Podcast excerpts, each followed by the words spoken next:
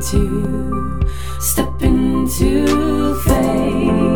to switch your story, to switch your story, step into.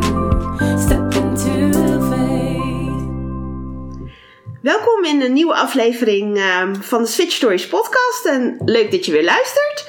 Ik zit eh, vandaag tegenover Annemiek Dogan van When I'm Gone. Welkom in mijn podcast Annemiek. Ja, dankjewel. Nou, ik eh, ben jou op Instagram gaan volgen eh, nadat je jouw Insta-cursus Ik lust je rauw gratis had aangeboden tijdens het driedaagse Devoted Live evenement van eh, Ilke de Boer en Dolly. Een halfjaartje geleden ongeveer. En ik volg je met heel veel plezier. En ehm, ja, ik heb toen natuurlijk de cursus dus gratis kunnen doen. En het is natuurlijk een cursus gericht op dat je mensen kan helpen die in rouw zijn. Of als je zelf in rouw bent, dat je wat praktische tips zeg maar meekrijgt. Wat voor reacties heb jij toen gekregen? Ja, dat was echt zo overweldigend. Dat was inderdaad tijdens Devoted, het eh, event van Ilko en Dolly. Ja.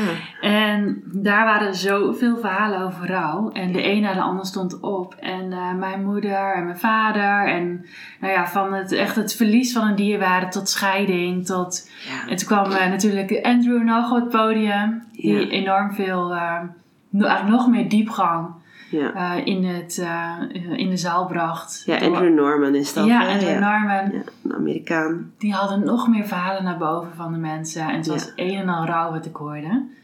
En toen ben ik eigenlijk, toen was het ook nog mijn verjaardag, toen ben ik eigenlijk vrij spontaan eh, opgestaan. Toen heb ik gezegd van ja, weet je, ik ben nu een pilot aan het draaien met mijn uh, rouw. Jullie krijgen me gewoon allemaal cadeau. Ja, super Dit, deze informatie moet gewoon echt iedereen hebben. En Ja. weet je, doe lekker de cursus. En ehm, ja, dus ik gunde echt die hele zaal, gunde ik zo die informatie en alle, oh ja, al die tips. Omdat het, omdat het het hele rouw, de hele rouwarbeid zoveel makkelijker maakt. Ja. Het geeft zoveel inzicht en daardoor zoveel uitzicht. Ja. En eh, dus toen eh, ben ik inderdaad opgestaan. Dat was echt eh, mega spannend. En heb ik Ja. het iedereen daar cadeau gedaan. Ja, superleuk. Ja, zo ken ik jou dus. En toen ben ik je eigenlijk op Instagram gaan volgen. Eh, en ik volg je met heel veel plezier. En toen kwam ik eigenlijk, toen ben ik op een gegeven moment gaan kijken. En ik dacht, nou, wat een leuke dame. Kijken of zij misschien ook wat switches heeft gemaakt. En Ja. dan ben ik op je LinkedIn gaan kijken. Toen dacht ik, nou, volgens mij is dat wel het geval. dus eh, ja, dus nou, superleuk dat je nu op mijn uitnodiging bent ingegaan. En dat we dus op deze manier nu gewoon een podcast kunnen opma- opnemen. Leuk toch? Dat Ja, we absoluut. elkaar op die manier zeg maar kennen. Kijk, ehm, eh, voordat we helemaal naar jouw Switch Stories of story gaan, eh, wil ik je als eerste vragen. eh, wat had jij de Annemiek van zo'n tien jaar terug in de tijd mee willen geven met de kennis en ervaring die je nu hebt? Mm, tien jaar geleden was ik, was ik 25. Ehm, wat had ik toen willen zeggen? Ja, dat was wel, 25 was ook wel de start van, van mijn switch in alles. Oh ja? Ja, ja, ik was toen net voor mezelf begonnen. En ehm, ik, ja, eh, ik, toen zeg maar tijdens mijn studie, eigenlijk, vanaf, eigenlijk al vanaf mijn jeugd en vanaf groep 6 zo'n beetje, dacht ik altijd, ik wil ontwerper worden, ik wil echt de beste worden. En, ehm, en ik ben vanaf toen, ben ik eigenlijk het hele pad gaan volgen om maar die allerbeste ontwerper, ehm art director te worden. Hmm. En ik ben echt eigenlijk met blik op, eigenlijk echt tunnelvisie, blik op oneindig ben ik die studies gaan doen. Ja. En wat ik er ook maar voor moest doen, dat deed ik. Ja. En nou ja, en toen, ik, eh, op een gegeven moment heb ik een particuliere opleiding gedaan, wat enorm veel geld kostte. Waarvan mijn ouders zeiden, was in Amsterdam. Waarvan mijn ouders zeiden van ja, prima dat je dat wil, maar wij gaan het niet betalen, weet je. Oh. Dus eh, zo belandde ik op een HBO-opleiding die eigenlijk heel pittig was. En waarbij ik eigenlijk nog veel tijd moest werken om het maar te kunnen betalen. Ah. En ik kon ook niet een kamer natuurlijk in Amsterdam betalen. Dus ik ging vijf dagen in de week met de trein Want waar woonde je toen? in Deventer. Oh, wow. Van Deventer naar Amsterdam. Amsterdam. Ja. Elke dag. En omdat het een particuliere opleiding was, kreeg ik geen studiefinanciering, kreeg geen OV. Nee. Oh. Dus het was echt... eh, ik moest heel creatief zijn in alles. Ja. Ja. dus toen ben je gaan werken. Toen ben ik heel veel gaan werken in de horeca daarnaast. Ja, Mhm. dus eh, dan eh, kwam ik... eh, ik had iedere dag volgens mij moest ik naar die opleiding van 10 tot 4 of zo. zo wel zoiets was het. Het was echt iedere dag hetzelfde. half tien tot vier, zoiets. Nou, en daarna ging ik dan gelijk naar een restaurant, ging daar werken. En dan was ik, was ik eigenlijk s'nachts weer thuis. En Ja. dan uh, de volgende ochtend Volgende de trein. Ja, inderdaad. Maar dat, dat maakte me eigenlijk helemaal niet uit, want ik had een doel. En Ja. eh, ik, ben, ik heb een enorm doorzettingsvermogen.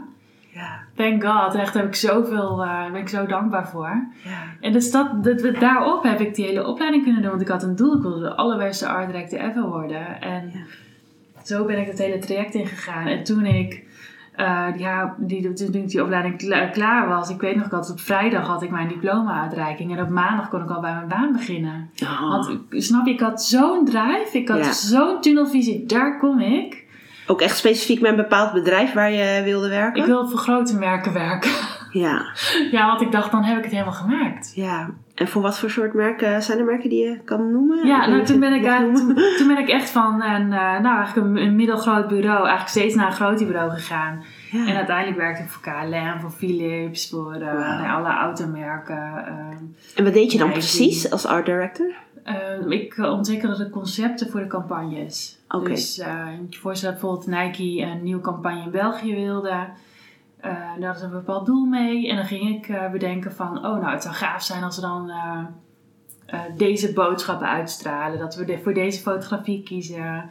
Eh, dan ging ik met een copywriter samenwerken die dan hele mooie taglines en mooie headings daarvoor hebben bedacht. Ja. Mooie teksten. En op die manier ja, ging, ging ik het allemaal schetsen. En ging het vanuit daar weer door naar de ontwerper, de vormgever, die het echt helemaal strak visueel uit gingen werken. Dus ik Ja. ging echt, ik kwam met het idee. Ja, inderdaad. En eh, dus ik, ik, heb, ik had alles dus gedaan om daar te komen. En toen op mijn 24ste was ik dus echt voor die grote merken aan het werken. En ik verveelde me dood. Oh, maar hoe Ja. dan? Want je werkt met hartstikke toffe merken. Ja, maar het was allemaal zo oppervlakkig. Het ging allemaal zo over geld. Oh. En het was... Het paste gewoon niet bij me. Oh. Het was allemaal via lagen. Weet je, je had al aan bureauzijde had je al een klantmanager, een projectmanager. En dan kwam, dan kwam ik als art director. En daarna kwam dan ja, de hele laag van ontwerpers, DTP'ers, fotografen. Er was een enorme hiërarchie in. Ja. Ehm, en het paste gewoon echt niet bij me. Ik, het, ik voelde me gewoon niet op mijn gemak. Ik voelde me, nee, ik voelde me echt niet, niet mens. Oh. Oh. Ja, dus moet Zo heftig zelfs. Ja, zo heftig zelfs. Echt. Ja, het ging. eh, ja, het was een en al geld. Hmm. En ik wilde zo graag eh, wat meer betekenen voor de wereld. Hmm. En waar komt dat vandaan? Dat je dat zo graag wilde? Ja, ehm, ik denk, ik ben, ik ben, ja, ik ben gevoelig. Dus dat gevoel, dat, ja, daar kom ik niet omheen. Dat, is, dat kan ik ook niet zomaar wegstoppen. Nee. Dus, eh, dus die empathie voor de wereld om me heen, ja, dat zat er ook. En dat Ja. zit er nog steeds. En toen ook. Ja. En ik had eigenlijk elke keer, ik had door het hele proces naar de art director worden voor grote merken, heb ik zo'n tunnelvisie gehad. Dat ik eigenlijk echt de oogkleppen op heb gehad. En ik ben maar doorgegaan en doorgegaan en doorgegaan. Totdat je ineens bent waar je wilt zijn. Om je heen kijkt en denkt, maar hier wil ik helemaal niet bij horen. En dan ben je nog maar 24. En toen was ik 24. Ja. Ja. En ik had echt een mega salaris en ik kon een auto uitkiezen. En het was, nou ja, ehm, als ik zo door was gegaan, dan had ik, eh, nou ja, voor mensen die erop zouden kijken, een succesvol leven gehad. Ja. Alleen ik voelde me zo leeg. Ja. Het paste gewoon niet. En ehm, Dus wat ben je toen gaan doen? ja, toen dacht ik, toen kwam zeg mijn switch. Dus als je zegt, ja, wat zou je zeggen tegen iemand die 25 is? Dan zou ik echt zeggen, go for it gewoon. Volg je gevoel, weet je, je weet wat je voelt, volg je intuïtie en ga ervoor. Ja. En dat is ook wel echt wat ik, wat ik toen gedaan heb. En als ik nu terug zou kijken, zou ik zeggen, ja, weet je, je bent op de goede weg, wees niet onzeker, ga ervoor. Ja. En wat ik toen heb gedaan, ik had een eh functioneringsgesprek. En ehm, ik kreeg een vast contract aangeboden. En eh, nou, het ging over het salaris. En het ging over, nou, wat voor auto zou je dan willen? En, eh, en toen zei ik dus, ik weet nog goed, het- mijn contract liep 1 augustus af. En het was eind juli. Toen zei ik van, eh, ja, weet je, ik ben mega dankbaar voor die kans die ik heb gekregen. En dat ben ik nog steeds op de dag van vandaag. Echt Ja. mega. ik ben zo dankbaar voor de kans die ik heb gekregen. Alleen ik zit hier niet op mijn plek. Dit is niet mijn plek. Hmm. En dus ik wil, bij deze wil ik het beëindigen. Ik wil niet mijn contract verlengen, want ik ga voor mezelf beginnen. En toen, En wat zei jouw manager toen of jouw baas? en toen zeiden ze, ja, ze waren echt helemaal eh flabbergasted. ja, Ja. die zag ze niet aankomen. Nee, dat zagen ze niet aankomen. En, maar ik voelde gewoon aan alles, dit heb ik te doen. Dit, heb ik, dit, is mijn, dit, dit moet ik meemaken. Ja. En ik wilde zo graag campagnes maken waarmee ik indruk zou maken. Hmm. Waarmee ik echt eh, dingen zou kunnen veranderen. Waarmee ik, waarmee ik mensen in beweging zou kunnen brengen. Ja. In plaats van waarmee ik de omzet zou kunnen verhogen. ja, wat je eigenlijk alleen maar met die grote merken dan dus juist Ja. hebt gedaan. Ja. Precies. En eh, dus ik voelde aan alles dat ik dit te doen had. Dus toen heb ik mijn baan opgezegd. En eh, iedereen in de omgeving die had ook echt zoiets van... Wat doe? Weet je? Want die Ik wist wou net natuurlijk ook mijn droom. Weet je, je wil. Ja. En je bent het nu. En ja, kijk, moet je nagaan als je op een verjaardag zit en je zegt: Ik maak de campagnes internationaal voor eh, L'Oréal, voor KLM. Voor, Ja, dat zijn Nou, natuurlijk eh, geweldige... Weet je wel, ik had wel een verhaal om even mee naar buiten te treden. Ja, Alleen als je het voor intern niet voelt, nee. dan klopt het niet. Nee. Dus ik voelde aan alles dat ik, ehm, ja, dat ik, dat het goed was dat ik voor mezelf begon. En eh, toen, dus mijn baan heb gezegd, ik heb een laptop, eh, ik heb, ik weet nog, ik heb 5000 euro van de bank geleend, want ik had echt geen, eh, geen spaargeld. Oh, ja. Nee. ja, dus het was niet zo dat het heel wel, buffer zo. wel overwogen. Nee. Inderdaad, een goede buffer. Nee. Eerst goed geld gespaard Nee, om, om je baan op te zeggen. Nee, gewoon, Gewoon gewoon stoppen. Dus ja. toen, eh, nou ja, toen heb ik me, toen heb ik dus 5000 euro, ik weet nog, dat was nog een eh, bi- BIS-bank, ik weet het niet, maar ik, nou, dat kon ik dan lenen. 5000 euro. En toen heb ik een laptop gekocht en alle programma's. En toen ben ik gewoon alle netwerken die ik maar kon vinden, ben ik afgegaan. ja. En toen was ik, eh, nou, ik heb mijn eigen logo ontwikkeld. Ik was heel erg bezig met mijn eigen brand. Ja. Hè, mijn website en mijn logo en mijn dingen. En eh, ja, en als mensen aan me vroegen, gooi gaat het? zei ik, ja, joh, ik ben hartstikke druk. En er was niks aan gelogen. Alleen ik was druk voor mezelf. Ik had helemaal geen klanten. Nee, maar jij wilde toen dan, als ik begrijp ik dat dan goed, ben je dan als het, je wilde dan als ZZP'er aan de slag, maar wel nog steeds als art director. Precies. Dat wel. Ja, Oké. Ja. En dan kon je nu gewoon je eigen merken uitzoeken, zeg maar, waar je dan opdrachten voor kon gaan doen. precies. En wat Ja. ik dus heel fijn vond, is dus echt met de klant om tafel te gaan en te kijken, wat heeft, wat heeft deze klant nodig? En hoe ga ik dat doen? Ja. In plaats van dat het allemaal via briefingen gaat, die vertaald zijn van Nederlands naar Engels. Oh, ja. Via die pro- projectmanager, via die klantmanager, aan bureauzijde, aan klantzijde. Ruis alom, weet je. Ik kon nooit mijn vinger echt op de kern leggen. En dat, Hmm. oh, dat frustreerde altijd zo. En nu zei ik, oké, weet je, als je met mij samenwerkt, ik zit met de klant om tafel. Ja. Weet je, ik kom echt tot die kern. En vanuit daar gaan wij doelen stellen. Ja. En toen ben ik mijn verhaal gaan vertellen op allerlei netwerken. Ik weet nog dat ik eh, ergens nieuw was. Hij zei, nou, als je daar zo op vertelt, wie ben je dan? En toen zei ik dat dus ook. Echt gewoon, what you see is what you get, zei ik van, nou weet je, ik werkte daar, ik werkte voor dat soort merken. Ik was niet gelukkig. Dus ik heb vorige maand mijn baan opgezegd en ik ben nu voor mezelf begonnen. En toen hoorde dat een, eh, ehm, een, eh, een, een marketingmanager van de Rabobank hoorde dat. En die had zoiets van, oké, nou kom maar eens praten. Hmm. Dus mijn eerste klant was de Rabobank. Oh, wat goed. ja, dus dat was, eh, nou ja, en grote, grote merken trekt grote merken. Ja, inderdaad. Dus toen was het wel, oh, ze werkt voor de Rabobank, nou, dan zal ze wel goed zijn. Dus toen kwamen er eigenlijk ook wel weer allerlei andere klanten. Hmm.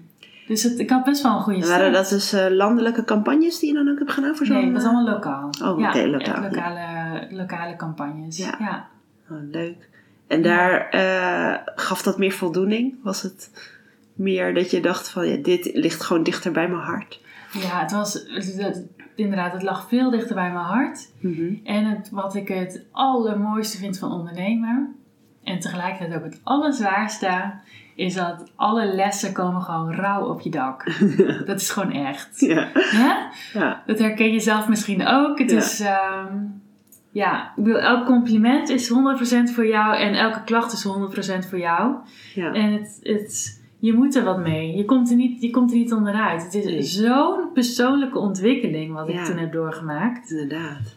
En dat is echt het mooiste cadeau eh, wat, wat ik mezelf ooit heb kunnen geven. Ja. Ja, En vertel eens eh, verder, want volgens mij is dit niet de enige switch die je hebt gemaakt. Want Nee. wij zijn natuurlijk in het begin ook aan het praten geweest over de rouwverwerking. Hoe komen we vanuit een Ja, art director naar iemand die gespecialiseerd is in rouwverwerking en Ja. daar tips en adviezen in kan, kan geven? Vertel eens die journey. Nou, dat is nog wel, er zit nog wel een heel lang verhaal tussen hoor. Het is, eh, ehm, nou ja, goed. Ik ben dus verder gegaan met die marketing. En ik ben eh, als art director en ontwerper verder gaan werken voor allerlei merken. Uiteindelijk ook nog samengewerkt met een compagnon. Ehm, en uiteindelijk eh, besloot ik toch weer alleen te gaan werken. Nou ja, dus dat, Wat heb je toen gedaan dan met een compagnon? toen ben ik een marketingbureau gestart samen met een compagnon. Dus met z'n Ah. tweeën. Dus dat we echt, eh ja, met z'n tweeën natuurlijk veel meer slagkracht. Ja, Ik heb ook ontzettend veel van, eh, van die compagnon ook geleerd. Dus dat was ook voor mij ja. echt een, eh, een enorme toevoeging. ja. Eh, toen ben ik uiteindelijk naar Den Haag verhuisd. Van Deventer naar Den Haag. Oh ja. Daar marketingbureau gehad. En dat, nou, toen ben ik volledig ook in die regio gaan werken. Toen heb ik daar allerlei klanten gehad. En toen, wat er toen gebeurd is, is dat ik ehm, een opdracht aan heb genomen van een grote multinational. Om Mhm. een, eh, eh, voor hun event allerlei eh, uitingen te, te ontwikkelen. En dat heeft mij toen enorm de nek omgedraaid. Dat Oh. was voor mij echt, nou, echt, eigenlijk een keerpunt in mijn leven, kan ik wel zeggen. Ja.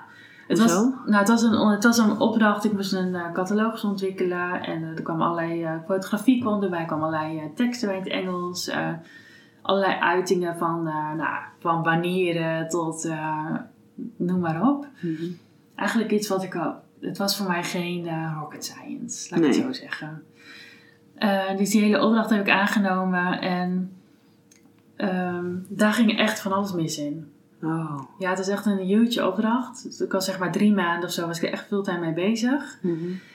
En toen, eh, dus ik heb ook allerlei mensen van buitenaf heb ik daarbij betrokken. Dus ik heb een fotograaf ingehuurd, ik heb een tekstschrijver ingehuurd. Ja. ehm, en uiteindelijk, ehm, nou ja, heel lang, lang verhaal kort. Het, was, het zat een projectmanager op waarvoor dat het eerst, dit was het eerste project voor haar. Oh. Dus nadat de hele catalogus opgemaakt was, zei ze: Oh, sorry, maar ik heb je de verkeerde tekst gegeven. Ehm, en ik zei van.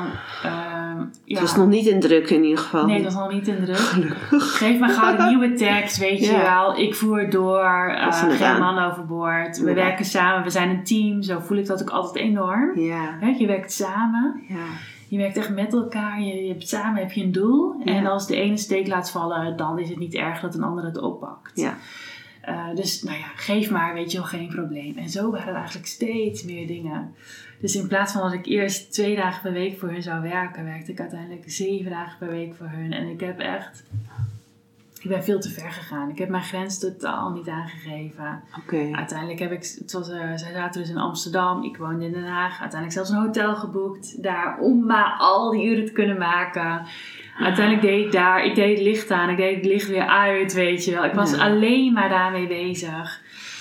Ehm, en zij hielden mij dus een, ehm, ja, eigenlijk een, een, een soort worst, die hielden ze mij voor, een vegetarische worst. Want eh, ze zeiden van, ja, als je deze opdracht goed doet, dan word je ons vaste bureau. En dan kun je hier bij ons in het kantoor een eigen kantoor openen. Dat was voor mij natuurlijk echt een mega 2.0 kans, weet je. Van, Ja. dan kan ik echt weer stappen maken. Ja. Dus er was aan, voor mij alles aan gelegen om alles te geven. En ik heb echt, ik ben daar veel te ver gegaan. Het is echt Mm. zo'n grote les voor mij geweest.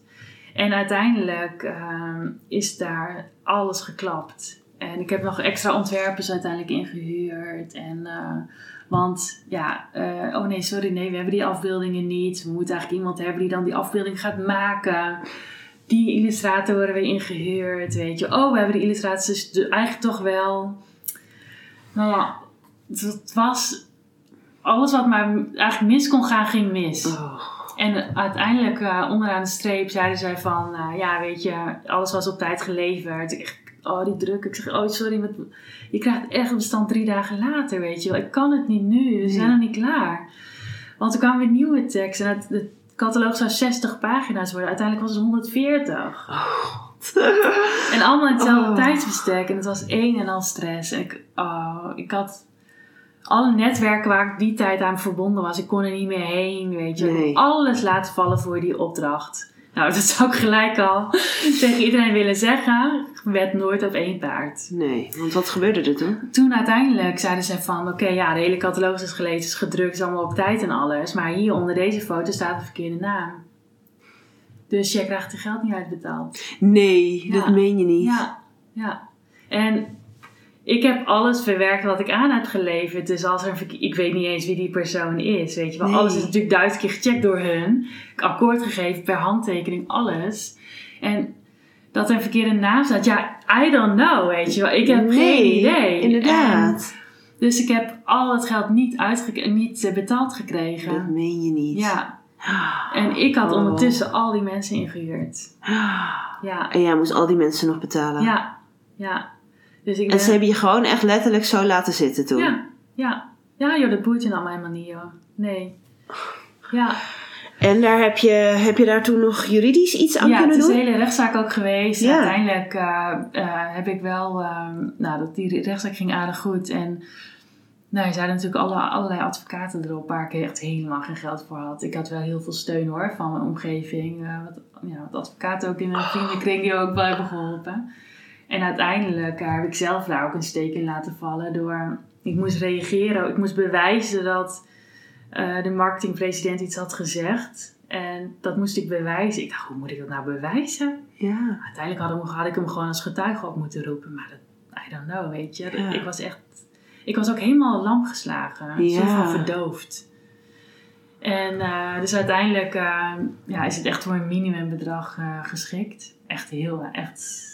Nou, nog, nog geen 5% zeg maar. Oh, nee, wat erg. Maar ik kwam toen dus met al die schulden te zitten. Ja. En dat was voor mij echt zo'n harde les in het leven. Dat ik echt dacht, wow, is dit serieus? Kan dit? Dus Hoe ziet- heb je dat überhaupt kunnen? Want ik bedoel, Ja. als je dat geld zelf niet hebt, Nee. dan, dan heb je zelf dus uiteindelijk in de schulden moeten steken Ja. om in ieder geval jouw partners te kunnen betalen, zeg maar. Precies, ja, en, en betalingsregelingen. En Ja. ja. oh, was het verschrikkelijk, verschrikkelijk. Vreselijk. Ja, en toen was ik zo teleurgesteld. Dan dacht ik echt, nou, dit is... Toen, wat, maar wat er ook gebeurt als je in de schulden zit. Misschien eh, mensen die dit horen herkennen dat ook. Die eh, die schulden ook mee hebben gemaakt. Ik voelde me zo kwetsbaar. Ik voelde me zo klein. Ik voelde me zo gewoon niet gezien. Ik voelde me zo vernederd ook echt. Ja, Want als er deurwaarders bij je aan de deur komen, want ja, dat gebeurde op een gegeven ja, moment. mensen ja. willen heel graag met je samenwerken, maar als je niet betaalt, dan ben je gewoon een vijand, Ja, weet je? inderdaad. Dus van al die mensen die ik zoveel opdrachten gegund heb in die jaren, Ja, is er niemand geweest die even op heeft gebeld. Annemie, kan ik je ergens mee helpen? ja, inderdaad. Zullen wij samen voor een advocaat betalen? Zullen wij, weet je? Ja, inderdaad. Niemand. Want, dus hebben jou gewoon eigenlijk dan ook vanuit die kant weer... Ben je eigenlijk van twee kanten ben je dan... eh, Ja, dus ik laten voel- mensen je vallen, Ja, zeg en, maar. en ik heb voor allebei eh, begrip. Zij hebben ook een hachje moeten redden. Zij hebben ook een eh, brood moeten kopen. En zij hebben Ja, er ook inderdaad. volledig ingezet. Ja, Dus het, ik, ik heb daar ook respect voor. ja. Het is alleen dat ik mij daardoor voelde ik mij enorm alleen. Echt Ja. zo eenzaam. Ik durfde er met niemand over te praten. Ja, het was, ik vond het echt verschrikkelijk. Dus, ja. En toen ik zo bij mezelf, mijn man eh, stond natuurlijk enorm bij. zeggen, had je Ja. toen al wel een relatie? Ja, Ja. inderdaad. Die, dat begon toen net een beetje. Nou, die heeft mij enorm geholpen. Ja, heel fijn. Maar verder praat ik er ook echt met niemand over. Want tegen Nee. wie ga je nou zeggen dat je volledig in de schuld zit? zit. Ja, inderdaad. Ga je toch tegen niemand zeggen? Nee. Ik schaamde me kapot. En ik voelde me heel schuldig, want ik dacht echt, het ligt aan mij. Ik heb het verkeerd gedaan. Ja, Nu ik weer een beetje bijgekomen ben, denk ik, wow, hebben ze mij zo kunnen behandelen? ja, inderdaad. Maar op dat moment dacht ik echt van, wow, nou, dit, eh, ja, nee, dit, eh, dit ligt aan mij. Ze hebben gelijk. Ja, Dus ik keerde heel erg naar binnen. ja, En eh, toen kwam ik ook heel erg weer bij mijn kern van, ja, wat, wat is mijn, wat heb ik te doen hier in het leven? En mijn purpose. ja, ik kwam zo ontzettend bij mijn purpose hierdoor. En daardoor, eh, ja, ik werkte, ik werkte ook hè, een paar jaar daarvoor al voor de branchevereniging van de uitvaartzorg. Ik heb daar binnen gekeken, heb gekeken hoe het daar aan toe ging. Hmm, En- Was dat een, op, een van je opdrachtgevers? Of? Was een van de opdrachtgevers, ja. Ja, een hele, hele fijne, fijne partij om mee te werken. En ook echt een partij waar, waardoor ik ook echt zag van... wow, dat gaat in deze branche gaat het er zo aan toe. was echt eh, Hmm. heel, heel erg verbaasd over de zakelijke gang eh, van dingen. Ik dacht, waar is het menselijke aspect? Ja. Dus toen ik door eigenlijk al die schulden zo in mezelf keerde en echt dacht van... Ja, ik was gewoon helemaal... Ik was helemaal... Ja, hoe moet ik het zeggen? Ik was een soort van verlamd. Ja. Ja, want wat kan je nog dan? Je Ja. dan denk ik het gevoel ook van waar moet, waar moet je zoeken? Waar moet ik het zoeken, ja? Ja. En toen, toen kwam ik... Nou, ik had het idee voor WNI had ik echt al heel lang. En het lag eigenlijk altijd maar op de plank. En toen dacht ik... Dit, nu heb ik gewoon niks meer te verliezen, weet je? Ja. Nu ga ik ervoor. Dus die ideeën die zijn wel ontstaan al toen je dus zeg maar werkte voor die branchevereniging. Precies, ja. Oké, alleen je hebt er gewoon al die tijd nooit wat mee gedaan. Je zit in je art director Ja, precies. eh, stoel, zeg maar. Ja. En, eh, en je blijft die kant op gaan. En ik had wel al alles helemaal uitgeschetst. En ik wist precies hoe ik Mm. het wilde hebben. En ik was de... Ik had maar, maar meer als een soort hobby. Hmm. Meer een soort van ernaast. Ik was nooit heel erg zin... Dat je dacht van hier ga ik geld mee verdienen. Nee, precies. Mm. En toen, ehm, nou, toen dat allemaal gebeurde, toen dacht ik echt... Weet je, let's go for it. Echt, Mm. weet je, als, als dit de wereld is, als je zo behandeld wordt... Ja.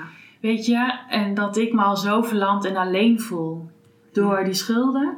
Hoe Ja. moet je je dan voelen als je... Kijk, het schulden is ook echt een enorm rouwproces. Ja.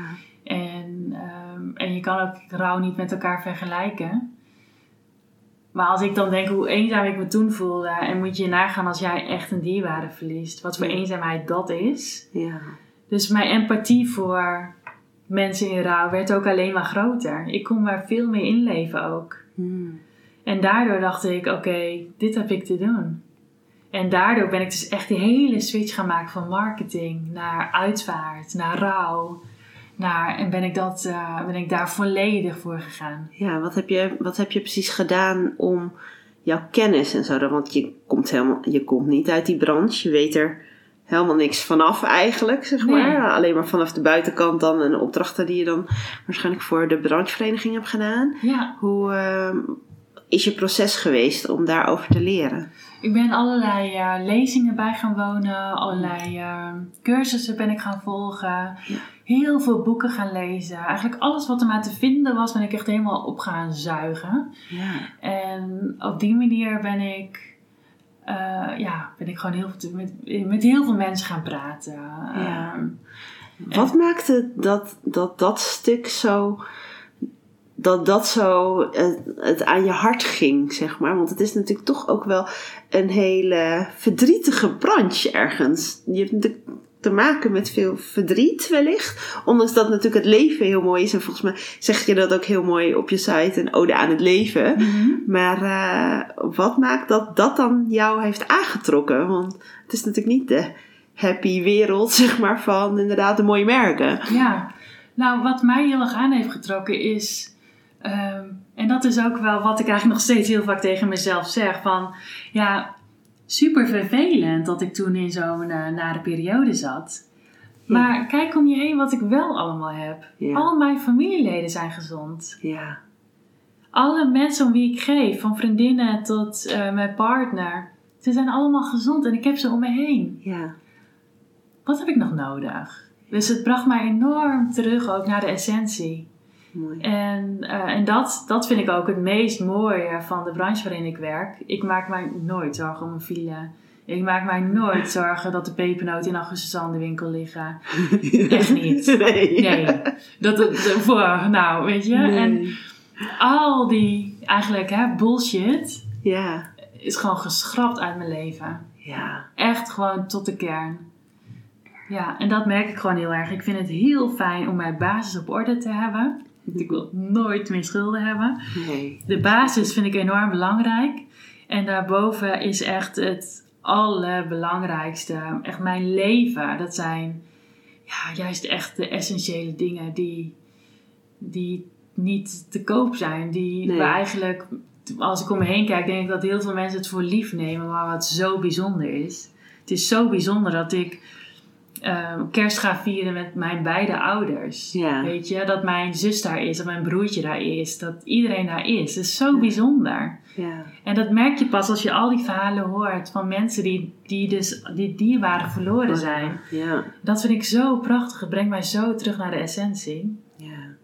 Ja. En vertel eens wat meer over When I, of When I'm Gone. Ehm, wat, ehm, wat doe je daarin precies? ja, we zijn inderdaad gestart met de naam When I'm Gone. En nu hebben we net, recent Oh. besloten dat het Ah. When I wordt. Oké, ja. Nee, dat is, ja. Ja. dat, we zijn inderdaad begonnen met de naam When I'm Gone. En, ehm, en When I is gewoon korter en krachtiger. En ik vind het ook positiever. When Ja, I, weet je. Inderdaad. het straalt ook een bepaalde kracht uit. Ja. En op het platform kun jij de uitvaart organiseren voor jouw dierbaren. En dat kun je in alle rust en overzicht en alle veiligheid kun jij dat organiseren. Mhm. Dus ehm, als je naar wenai.nl gaat, dan vind je daar allerlei, allerlei leveranciers van locaties tot muzikanten, tot Mhm. tekstschrijvers, tot fotografen, tot eigenlijk alles wat je maar kan bedenken om de, echt de uitvaart van het leven te organiseren. Ja. Dus een uitvaart die gebaseerd is op het leven in Ja. plaats van op de dood. Ja. En dat vind ik zo belangrijk. Dat, weet je, we leven allemaal ons leven op onze eigen manier. En laten we ook op die manier afscheid nemen. ja. Mooi. Ja, dus inderdaad ode aan het leven. Ja, prachtig.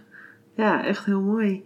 En ehm, is het dan zo dat eh, klanten die dan op jouw site zeg maar komen, die ehm, als ze dan iets van een dienst gebruik willen maken van een van die partners van jou die dan op jouw site staan, ehm, boeken ze dat dan rechtstreeks bij, of kopen ze dat rechtstreeks bij die partner? Ben jij dan eigenlijk een soort van tussenpersoon ehm, waar je alles verzamelt? Ja, dit, precies. Dit is een platform waar vraag en aanbod bij elkaar komt. Ja, inderdaad. En als consument heb je de keuze. Je kan, eh, ehm, je kan eh, een bericht sturen via het platform.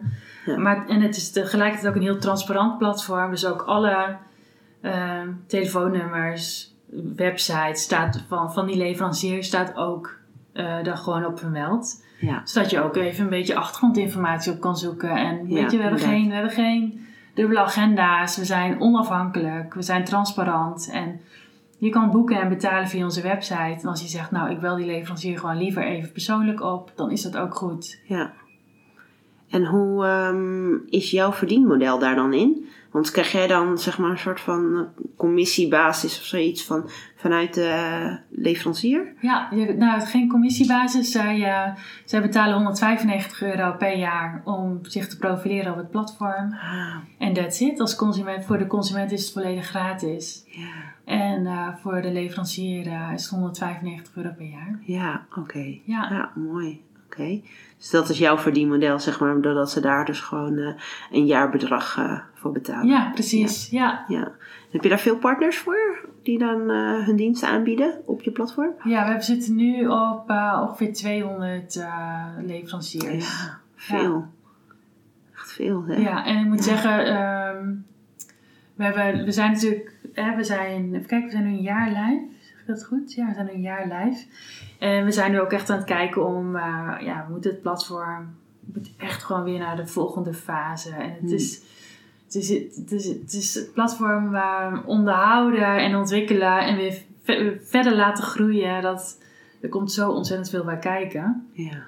En eh, ik heb ook twee, eh, twee investeerders die, eh, Hmm. die dus in het begin ook, hè, vanaf het begin eigenlijk al erin geloven. En Mooi. die ook eh, geld hebben geïnvesteerd Ja. om, eh, ja, om dus echt het hele platform te ontwikkelen. En ja, op die manier eh, eh, ja, op de kaart te zetten. Hoe ben je daar gekomen aan investeerders? Ben je daar echt actief naar op zoek gegaan? Ja, ik heb veel gesprekken gehad met mensen. En Hmm. dit waren... eh Eén was eigenlijk altijd, altijd al een klant van mij. Hmm. Via een marketing, marketingbureau dat ik toen had. En de andere, die ja, heb ik gewoon zo'n klik ook mee. Hm, fijn. Dus zij zeiden eigenlijk gelijk al van... Ja, wij investeren echt in jou. We, we- als Ja. jij de marketing gaat doen, dan komt het gewoon helemaal goed. Ja. Ja, en zij zijn nog steeds zo... Aan de ene kant laten ze me heel vrij in alles. En aan de andere kant zijn ze zo betrokken. Als ik ook maar vragen Mhm. heb of wat dan ook, zijn ze altijd paraat. En Oh, wat fijn. ja, de ene heeft echt een enorm ehm, kennis en een, en een know-how in ehm, het netwerk en eh, verhalen vertellen. Hmm. En de andere zijn juist veel technische onderlegd. Hmm. Dus het is ook gewoon, ik ben zo, oh, Perfect, ben zo of blij niet? met hen. Ja. ja. Ja, ik ben zo blij met hen. oh wat fijn. Ja, Ja, en, en zijn dat ook echt ondernemers? ja allebei ondernemers. Ja. Tof. Fijn dat je op die manier dan extra support hebt en altijd een klankbord waarschijnlijk ja. ook. Ja, zeker. Ja. Ja, en ook, ik, ik, ik, wil altijd best wel snel. Ja. Ik moet altijd perfect en heel snel. ja. En dan eh, zijn zij ook echt wel degene die zeggen van nee, maar groei maar gedegen. Weet je wat? Ja. Groei gedegen, ga niet te hard. Hm. Anders word je zo'n hype en dan ben je na een tijdje gewoon weer weg. Ja. Groei maar heel rustig. En eh, dus ja, dus dat geeft mij ook heel veel vertrouwen. En eh, ja, dat, dat brengt me ook wel weer in die rust. Van nee, het gaat goed. Ik ben precies waar ik moet zijn. En Hm. ja, En waar ben je nu? ik, ja, ik ben nu op het moment, ik ben nu echt op het moment dat ik bij ehm, wat Renai betreft, dat ik, ik doe alles alleen. Hmm. Dus van de administratie tot het de technische gedeelte, tot. Kijk, ik heb natuurlijk wel partijen die me helpen, maar Mhm. ik stuur alles aan. Ja. Ehm, daarnaast moet ik ook aan het bedrijf werken. Dus waar gaan we naartoe? De leveranciers eh, contact mee houden. En eh, alles online plaatsen. Ja. Ik ga ook zelf heel veel langs bij de leveranciers. Dat vind, dat vind ik ook fantastisch, want dan hoor ik ook van waar ze behoefte aan. Ja, inderdaad. Dus dat brengt mijzelf ook heel veel. En nu ben ik echt toe aan de volgende fase, dat ik wat meer een team om me heen heb. Hmm. En dat ik wat meer, ja, dat ik ben hij echt naar het next level kan helpen. Ja, Mooi. dus daar zijn we nu heel erg mee bezig. Van oké, hoe gaan we dat doen? Ja, inderdaad. Wie ga je daarvoor inzetten? Ja, Ja. Wel weer een spannende nieuwe fase natuurlijk. ja zeker. Ja. Ja. En jij zegt, Owenna is ook wel echt ode aan het leven. Hoe sta jij in het leven? Ehm, ik, ik probeer zoveel mogelijk in het nu te leven. Ja. Voor mij is echt wel het nu alles wat ik heb. Hm. En ehm, ja, wat ik zei, ik eh, maak me niet. eh, mensen, ja, als jij mijn omgeving zou vragen wat is Annemiek voor persoon, zouden ze denk ik zeggen dat heel rustig, heel rustig, eh, heel rustig en intens persoon ben. Hm. Ehm, Waardoor het intense? Waar, waar uit dat zich in? Als ik met iemand praat, praat ik ook echt met iemand. Dus ik zou niet snel dan nog eh, om me heen kijken, op mijn mobiel zitten. Of Oh ja. ik zou echt luisteren. Ja, inderdaad. En ehm, dat maakt het intens. En het maakt het ook intens dat ik dus ook soms keuzes maak. eh, die niet even eh 1 graden naar links zijn of 1 graden naar rechts. maar gewoon 180 graden, weet je wel. Omdat ik dan gewoon voel van, nee, nee, maar dit, nu moet er gewoon verandering komen. Oh ja. Dus ik kan soms ook wel echt keuzes maken die eh, misschien op een ander heel rigide overkomen en heel rigoureus. Heb je daar een voorbeeld van? Nou ja, dat ik dus zo mijn baan opzeg en dan Ja. zeg, ja, ik ga voor mezelf beginnen. of ehm, ja, ehm, ja, maar dat zijn, dat zijn dingen die dan ook wel in mij, in mij borrelen. En op een gegeven moment weet ik, dit is het moment. Ja. Ja, Is het ook wel een stuk intuïtie wat dan in je zit? ja ik vertrouw enorm op mijn intuïtie. Ja. Zeker. En een stuk vertrouwen dus ook. Ja, en dan ga ik het ook altijd wel weer. ehm, met mijn hoofd ga ik ook altijd wel weer. Kijk, eigenlijk wat ik met mijn hoofd altijd doe, is dat ik een soort vangnet maak. Hm. Dus bijvoorbeeld, ik, ik had mijn baan opgezegd, ging voor mezelf beginnen. Wat is het ergste wat kan gebeuren? Dat denk ik altijd bij mezelf. Nou, dat ik, dat ik dus geen inkomen heb en dat ik mijn, eh, nou, terwijl ik nog een koopwoning, dat ik mijn hypothe- hypotheek niet kan betalen. Hm. Oké, nou wat heb ik per maand nodig om mijn vaste lasten te kunnen betalen? Ja. Nou, dat was zeg maar een 1000 euro. Ja. Oké, als ik dan, stel je voor ik heb geen werk, ga bij een, via een uitzendbureau werken. Ik bedoel, halfwege 20, HBO geschoold, veel ervaring in de horeca. Nou, dan hoef je niet bang te zijn dat je geen werk hebt. Komt wel goed. Wat Ja. zou het ergste zijn wat kan gebeuren? Oh, nou, dat ik me dus naar een uitzendbureau moet of naar een restaurant om nog extra erbij te werken. Oké. Nou, oké, dat zou ik wel willen. Ja. Hm, Dan heb ik het met mijn hoofd heb ik al een soort van vangnet gemaakt. Ja, inderdaad. En dat heb ik ook altijd gedaan toen ik stopte met de marketing. Toen ben ik ook altijd, eh, Nou, ik weet niet of je Temper kent, maar dan kun je freelance in de horeca werken. Oh, nee, ken ik ik niet. heb me Nee. helemaal kapot gewerkt, echt. Want ik had natuurlijk al die mensen die ik af moest betalen. Ja. En ik had Oh. verder ook geen ander inkomen. Ja, dus je bent toen in de horeca gaan werken om, Ja. om uit die schulden te komen, zeg Ja, maar. dus overdag werkte ik voor BNI. En eh, s ochtends, echt om zes uur s ochtends begon ik dan al. Deed ik een ochtenddienst bij dat hotel. Oh ja. Nou, dan ging ik daarna weer met BNI verder. En dan deed ik s'avonds, eh werkte ik eh, naar dat hotel of restaurant. Of eh, weekenden, feestdagen. Ik ben me helemaal rond te gaan werken. Hoe lang heb je dat gedaan? Ehm, even kijken. Dat heb ik gedaan tot, ik denk anderhalf jaar geleden. Oh ja. Ja, ik denk zomer 2018. Ja, Ja, zoveel nog, hè? ja. En het was ook... Kijk, ik had ook kunnen zeggen, nou, ik ga er freelance bij werken. Alleen ik was zo verdoofd. Ik was zo... Ja, achteraf denk ik, ik was gewoon echt met een rouwproces ook echt bezig. Ja. Hè? Echt die rouwarbeid. Eh, ik was dat ik, ik kon me helemaal niet concentreren joh, als ik daar zou gaan zitten. Durfde je ook niet meer? Was er ook een stuk angst? Ja, ik denk dat er ook wel een, ja, ik denk dat er ook wel een angst was. En ook, ik kon mijn hoofd ook gewoon. Ik wilde alle creativiteit en mijn volledige gedachten wilde, ik steken in BNI. Ja.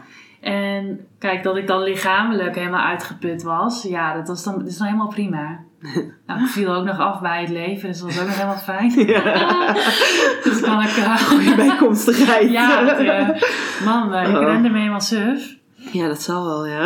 En ja, op die manier, eh, dat, dat zou ik dus echt, als je zegt van oké, ik zou ook echt heel graag die switch willen maken, Ja. zou ik echt zeggen, volg je gevoel en maak met je hoofd een vangnet. Ja, inderdaad. Ja, de tips die je daarin al hebt gegeven, dat is natuurlijk zijn hele goede vragen om aan jezelf te stellen. Ja. Wat is het ergste dat er kan gebeuren en kan ik daar dan mee leven? Is dat dan hetgene wat ik dan ga doen? Inderdaad, Ja. dus via het uitzendbureau in ieder geval. Ik bedoel, als je in ieder geval g- gezond genoeg bent om te kunnen werken, weet je dat je dat in ieder geval altijd nog kan gaan doen. Je kan altijd nog bij een werkgever of weer terug in loondienst ergens. Dus dat is, dat is daardoor inderdaad dat stukje risico nemen. Ja. Kan daarmee dan waarschijnlijk. Ja, Ja. daardoor was Ja. dat, maar dat gaf mij ook heel veel rust. Ja. En bij mij, wat het verschil is met in loondienst gaan, is dat je ook een bepaalde verantwoordelijkheid hebt. Ja. Dus stel dat ik in loondienst zou gaan bij een restaurant, dus dan bellen ze op en zeggen, ja, vandaag is die ziek. Ja. Het is vandaag weer heel druk. Ja. Weet je, kom maar extra. Terwijl als je dus freelance gewoon een paar dagen eh, ergens werkt, Ja. dan temper.works, dat is echt een uitkomst. Ja. Dan, dan word je gewoon geboekt. En jij staat er vandaag van uh, 6 uur s ochtends tot 1 uur 's middags op. En daarna trek je de deur achter je dicht. En Ja. doe je de rokie. ja, dat is natuurlijk ook wel heel fijn. Dus het gaf mij heel, het gaf mij echt exact wat ik nodig had. Ik knalde Ja. daar. Ik, ik, dus mensen waren ook altijd zeer tevreden over mijn inzet. Ja. En ik kreeg mijn geld waar ik weer zeer tevreden mee was. Ja. En punt. Ja. Alles wat je nodig had op dat Alles moment. wat ik nodig had en ook alles wat ik kon geven. Ja, inderdaad, ja. Nou, je hebt eigenlijk al wel ehm, verteld over, denk ik, je dieptepunt dan in je ondernemerschap, als ik nu zo hoor. Hè? Dit mega, is wel... mega dieptepunt. Ja, inderdaad. ja. Ja, wa- was, was er op dat moment dan ook nog wel ehm, een moment dat je echt dacht van, nou, ik, eh, ik moet gewoon niet meer ondernemen. Dit, eh, ik moet Eh. misschien toch gewoon weer ergens terug in loondienst. Heb je, dat, heb je wel eens dat gevoel gehad? Of juist helemaal niet, doordat je dat temper had? Ja, precies. in de dat horeca, mij- zeg maar, jouw... eh, Ja, dat was voor mij wel echt een enorme uitkomst. ja, En ik weet ook, als je me... ehm, ik, ben, ik ben ondernemend. ja, Dat ben ik. ja. En als je mij in een ondernemende functie zet in een bedrijf, dan zou ik het ook prima vinden. ja. Als je mij maar wel laat ondernemen, want dat zit echt in me. Ja. Mooi. Ja, Ja, vanuit zo'n low komen er ook nog wel vast ook wel hele mooie highs. Is er echt eh, is er een all-time high voor jou binnen je ondernemerschap? Een moment dat echt gewoon fantastisch was. ja sowieso. ehm, doordat je dus zo'n enorme low meemaakt, je, mijn persoonlijke ontwikkeling ging natuurlijk echt. Als het ging gewoon echt gewoon eh, maximaal, gewoon versnelling 6. Ja. En daar ben ik zo dankbaar voor. Dus Ja. als ik zeg maar terug zou kijken en ik zou zeggen, zou ik dit wel mee willen maken of niet? Dan zou ik hetzelfde gewoon weer willen. Toch wel, ja. Ja, want het heeft mij echt gevormd wie ik ben. En daardoor ben ik ook eigenlijk ja, veel meer open, ben ik eigenlijk nog meer opengestaan voor alles. Eh, voor, voor, ja, ik ben ook allerlei mentoren gaan volgen, eh, veel Ja. coaching gehad, Ja. veel podcasts geluisterd. Gewoon volledig in die per- persoonlijke ontwikkeling gegaan. Ja. En ook wel echt eh, met steun ook van mijn man, die daar ook heel erg in ge- geïnteresseerd is. Fijn, ja. Dus dat is ook gewoon, eh, ja, dat is voor mij echt de mega high in ondernemer. Dat ik, eh, ja, dat ik op die manier dus, eh, dus me ben gaan ontwikkelen. Ja. En dan ook met onze uit, uitkomst. Dat ik dus eigenlijk vanaf afgelopen zomer zo'n beetje, dat ik ook merk van, ze zeggen toch wel zeven magere jaren, zeven vette jaren. Of zo zeggen ze toch wel eens? ja, inderdaad. Ja, ik voelde dus echt aan alles dat vanaf afgelopen zomer, dat echt die zeven vette jaren begonnen zijn. Oh, wat En dan, en dan heb ik het niet per se over geld, maar heel erg over ja, de flow waarin ik in zit, weet je wel. Het is alsof ik aan het surfen ben, gewoon eh, van de ene golf naar de andere. En ja, ik, dat ik, eh, ik, ik weet de juiste mensen om me heen te verzamelen. Ik weet, eh, ik, ik, ik weet goed wat ik nodig heb Ja. en wat ik niet nodig heb. Ik kan keuzes maken, ik kan verantwoordelijkheid nemen. Ja. En, eh, ja, en dat komt gewoon echt door die low van de jaren daarvoor. Ja, inderdaad. Ja, mooi. Ja. Heel goed. En is jouw eh, man, is die ook ondernemer? Ja, hij is ook ondernemer. Ja. Oh, wat eh, doet hij? Hij heeft een eh, rederij op de Amsterdamse grachten. Oh, wat Ja. mooi. Ja. Ja. Je zit in de boten. Zeg zitten, ja, ik zeg al, we zitten allebei in de vaart. Ja. ja. Ja. andere vaart. Niet aan de vaart. En hij, eh, hij is hier eigenlijk een beetje ingerold. En hij is er, nou ja, dat, gaat- dat, hij is helemaal zijn, zijn ding aan het doen en dat, dat, gaat heel goed.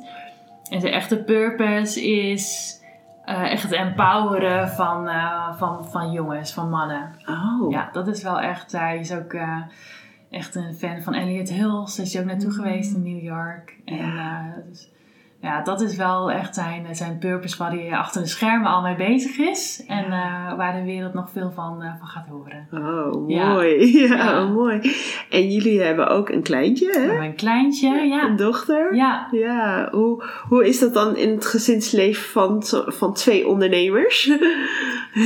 Ja eh, flexibel. En eh, aan de andere kant natuurlijk, eh, je moet het goed organiseren. Dat merk ik ook. Dat geeft veel rust bij ons als ondernemer en ook binnen het gezin. Hè? Dus Ja. ook voor ons meisje. Ehm, en wij hebben het op die manier geregeld dat wij twee dagen per week hebben een nanny die bij Ja. ons thuis is. oh, dat is fijn. En één dag in de week gaat ze naar het kinderdagverblijf. ja. En die nanny die pakt ook echt het hele huishouden pakt ze voor ons op. Wat En fijn. dat kan ik echt iedereen aanraden. Ja, Ja, maar echt. ja. Want moet je eens voorstellen, wat mensen zeggen, ja, maar we hebben niet geld, weet je, dat is dan vaak een argument. Hè, Ja, van, eh, inderdaad. Maar moet je eens voorstellen dat jij je niet meer druk hoeft te maken over het volledige huishouden. Hoe Ja, hard jij dan zou gaan. inderdaad. Dus dat, en dat merken wij dat. Ja, Dat verdient zich zo terug. terug. Och, ja. wat een rust geeft dat. Ja. Zo ontzettend fijn. ja. Ja. Oh, dat snap ik helemaal. Ja, dus dat is echt. eh, ja, dus het. ehm, en het, het leuke van allebei ondernemer is dat ook. eh, ik werk dan vaak gewoon ergens in Amsterdam. Ik zoek een leuke locatie uit en dan klap ik mijn laptop open en, eh, en ik werk verder. Ja. En dan is hij. ehm, nou, dan komt hij net van de boot vandaan. Heeft hij daar eh, eigenlijk alle met zijn personeel gebriefd en alles. En dan. Dan komt hij langs en dan gaan we samen even lunchen. Of, eh, Ja. ja, dus het is bij de ondernemer ja, het is, als je het goed organiseert, dan wij vinden het wel heel lekker. Ja, Ja. wat fijn. Ja. Heb jij nog, eh, jij hebt natuurlijk daar straks al wel een aantal tips gegeven, hè? gewoon spontaan. Ik heb er niet eens om gevraagd. Gaf jij gewoon al een aantal Ja. mooie tips gewoon vanuit jouw eigen ervaring. En dat vind ik juist mooi als dat zo spontaan dan eh, ontstaat. Maar zijn er nog tips die jij eh, verder nog zou willen delen met mensen die twijfelen over het ondernemerschap? Hmm. Ehm,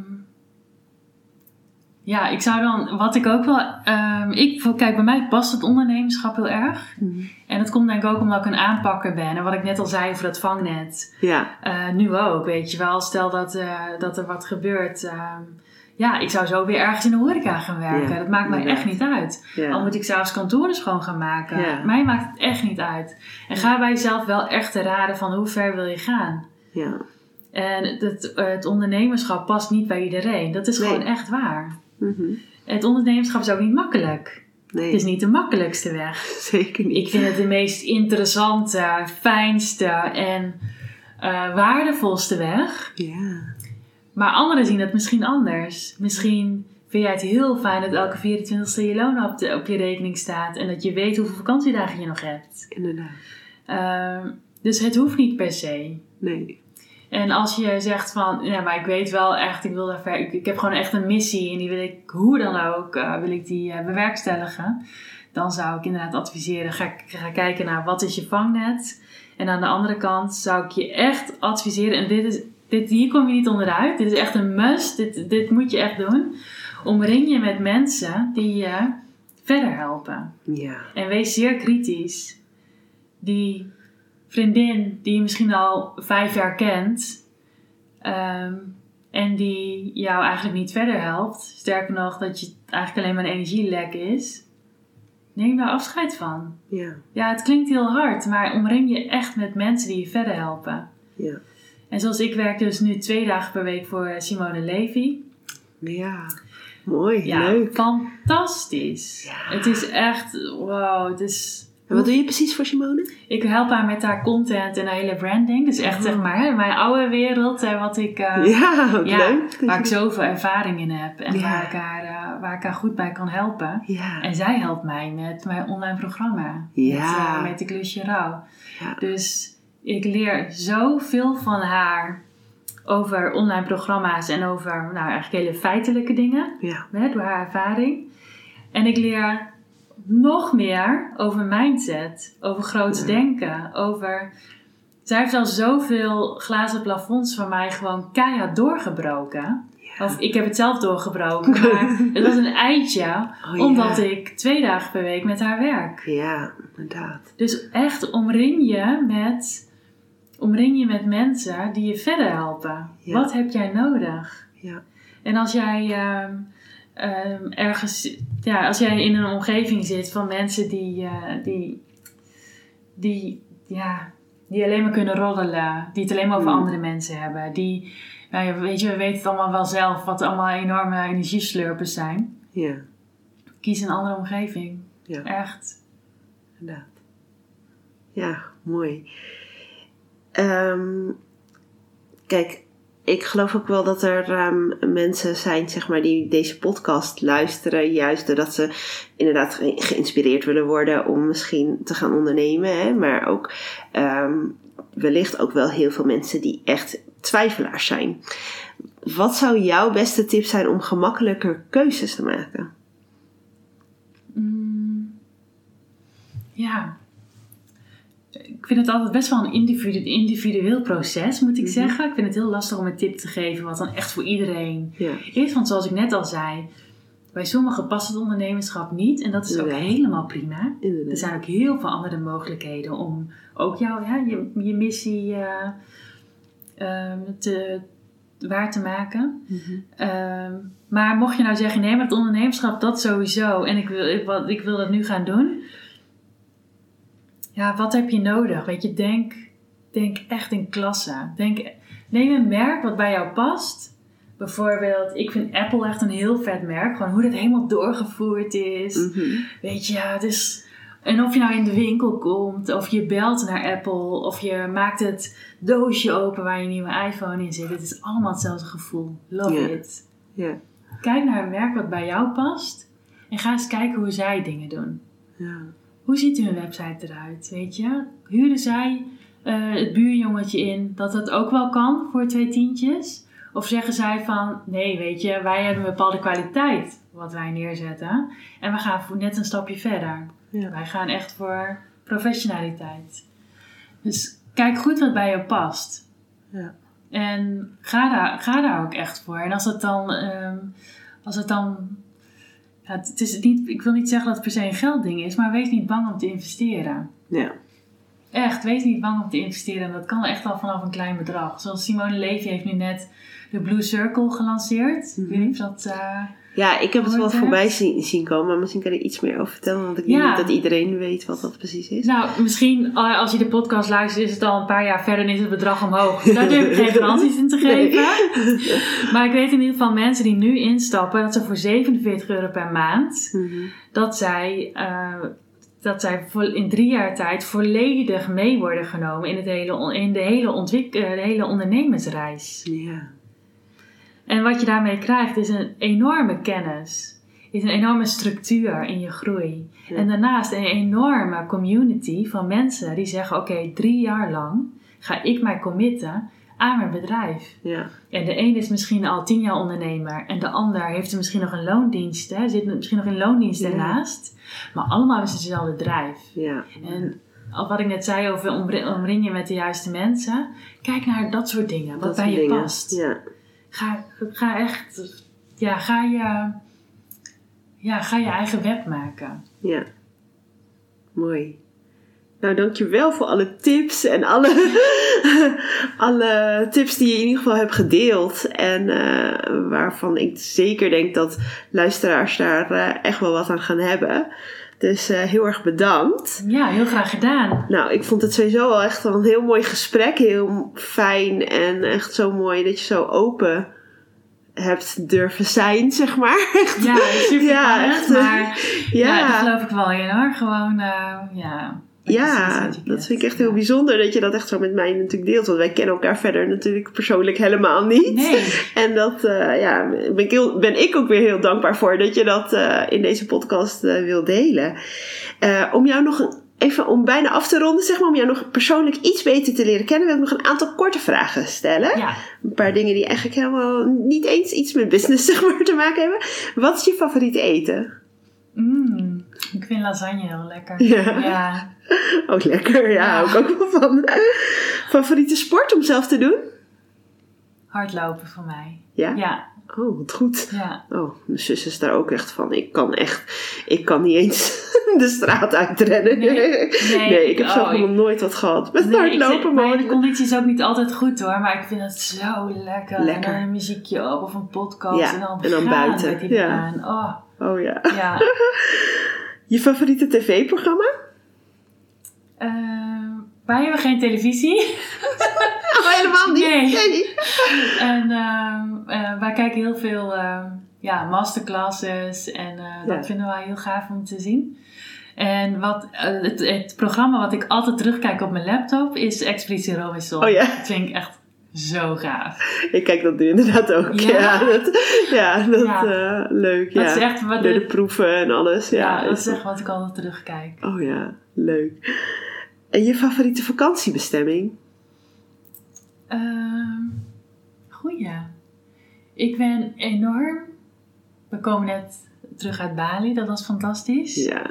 Ja, dat is een mega relaxed eiland. En waar ik eigenlijk dicht bij huis blij verrast door was, daar zijn we een paar jaar geleden geweest, Mallorca. Oh ja, ja. Echt. Ja, daar ben ik vorig jaar inderdaad geweest. Ja. Heerlijk, ja. Oh, daar heb, je hebt een heel onwijs mooie stad met een geschiedenis. Ja. Fijne stranden. Heerlijk eten. Ja. Weet je, dat is echt dat ik... Nou, zo dicht, weet je, twee uurtjes vliegen. Inderdaad, ja. Echt een aanrader. Ja, mooi. Heb je een favoriete liedje? Oh, mijn favoriete liedje. Ehm, ik heb altijd een, een liedje van het moment. en eh, dan, die draai ik dan ook gewoon. Ik kan dan zo de hele dag hetzelfde liedje draaien. Oh ja. echt fijn erotisch. en ehm, ja, dat, het, het verschilt enorm. Welke is het dan Ik- nu? Nou, nu is het ook heel erg van... dra- luister ik veel Lady Gaga. Mm, Die, Ja. die nummers vind ik nou heel lekker. Ja, Ja. dan gaat het lekker in je gevoel zitten en dan... eh, ja. het geeft me ook wel een soort van boost altijd. ja, inderdaad. Ja. Mooi. Eh, je slechtste eigenschap? Mm, slechtste eigenschap is... Denk ik dat ik snel positief ben. En dat is ook een positieve eigenschap, absoluut. Alleen soms mag ik wel wat kritischer zijn. Oh ja, oké, op die Ja. manier. Ja, dus ik kan dan ook eigenlijk slechte punten, of het nou van een situatie is of van, een, van mensen, kan ik snel goed praten. Hmm, Omdat ik eigenlijk in alles wel het goede zie. ja. Dus dat is eigenlijk juist een hele mooie eigenschap. Ja, maar het, je Ja. moet wel goed. Ja. bij, soms moet je ook gewoon even de feiten erbij halen. Ja, oké. Ja. duidelijk. Je beste eigenschap? Ehm, mijn doorzet- doorzettingsvermogen. Dat heeft mij echt eh, gebracht waar ik nu ben. Ja, Ja. geef niet op. Nee, never. Nee, nee. En jouw allergrootste wens of droom? Mm, mijn allergrootste wens of droom dat ik, ja, dat ik heel oud en gezond oud mag worden met ons gezin. Ja, Ja. mooi. En waar kunnen mijn luisteraars jou en je bedrijf volgen? Eh, Instagram, dit is Annemiek Dogan. Ja. En je kan ook eh ja, op nij.nl, dus het platform, kun je een kijkje nemen. Ik ben ook heel benieuwd wat je daarvan vindt. Dus kom, eh, ja, kom vooral met misschien nog tips en tops. Ja, Ehm, ja, in, maar Instagram ben ik dagelijks. En eh, Ja. heel leuk als je me daar volgt. ja inderdaad. Ja. Het is ook leuk om je daar te volgen. Dus Ja, dat eh, oké, zeg nou. uit ervaring. Dus, eh, Ja. dus dat is zeker een aanrader. Horen. een must follow weer. En tenslotte, om het helemaal af te ronden, is er nog een vraag die jij aan mij zou willen stellen? Ja, absoluut. Ehm, heb eigenlijk heel veel vragen nog voor je. Oh, Maar we zijn, ik nog even verder gaan kletsen. ja. Ja. ja, wat is... ehm, wat is jouw grootste droom? Mijn allergrootste droom is eigenlijk op privévlak nog een tweede kindje. Ja. Ja, dat is mijn grootste droom. Dat zou echt heel fijn zijn als dat lukt. En in de podcast heb ik daar nog niet eerder over verteld. Maar op mijn Instagram ben ik daar, ik ben er heel open over. Maar ehm, eh, ja, ik heb dus een zoontje van zes. En dat ging heel spontaan. Toen was ik in drie maanden zwanger. Maar nu voor een tweede kindje zijn we inmiddels 2,5 jaar verder. En eh, afgelopen jaar ook echt in een fertiliteitstraject. Dus ehm, ja, behoorlijk heftig. Mm.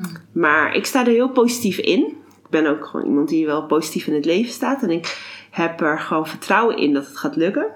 We hebben geen idee wanneer, hoe. Er zit wel een beetje een huishoudbaarheidsdatum aan. Weet je, ja, ik bedoel, ik ben toch al wel iets ouder. Dus ja, dan, dan eh, gaat de tijd wel eh, een beetje, ik denk 38. Dus ja, dus de tijd begint een beetje te tikken, zeg maar. Maar ja, eh, het is, ik heb wel zoiets van, nou, we hebben nog tijd. Ja, je hebt Dus tijd eh, ja, dus dat is, ja, dat is wel mijn allergrootste wens. eh. Nog een heel mooi kindje. ja, nog een mooi kindje. Ja. Dat zou wel echt, eh, dat zou heel mooi zijn als dat lukt. Maar ja, we gaan zien of het ons gegeven is. Dat, ik bedoel, daar moet je dan ook gewoon op vertrouwen. En als dat niet zo is, ja, dan zal dat eerst heel moeilijk zijn. Maar ehm, ik geloof ook wel in dat als dat zo is, dan is het zo. En dan, ehm, weet je, we hebben een prachtig mooi kind.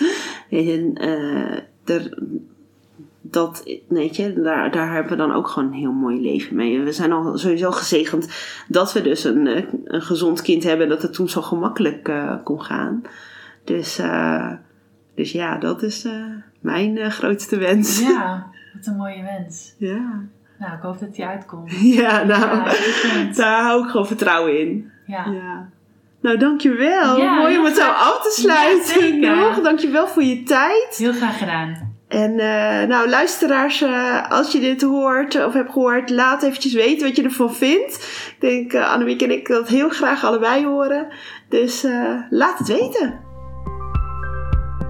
Leuk dat je hebt geluisterd naar deze aflevering van de Switch Stories podcast. Wil je meer weten? Kijk op de switchstories.nl of volg mij op Instagram, Amelia Stegwij.